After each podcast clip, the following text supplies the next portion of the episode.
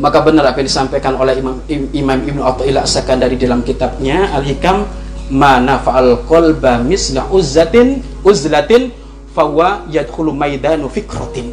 Tidak ada sesuatu yang manfaat untuk hati kecuali uzlah.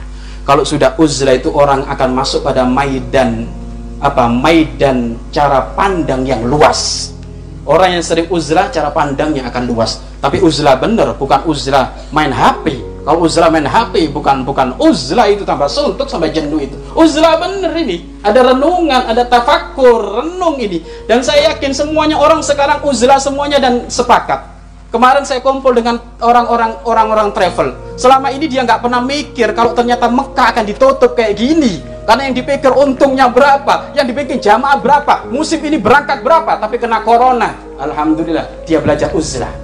Sampai kemarin saya WA dengan salah satu apa salah satu yang punya travel antum sekarang di mana? Alhamdulillah ustadz lagi uzlah di Gunung Cermai katanya lagi uzlah di Gunung Cermai. Jadi tahu uzlah jadi. Kalau dulu kan hitung-hitungan kayak gitu. Untung berapa untung berapa. Jadi banyak sekarang para para pengusaha itu mereka uzlah semuanya. Apa bahasa anunya? Lockdown. Ya kan? Bahasa bahasa kerennya kan gitu. Itu kan uzlah.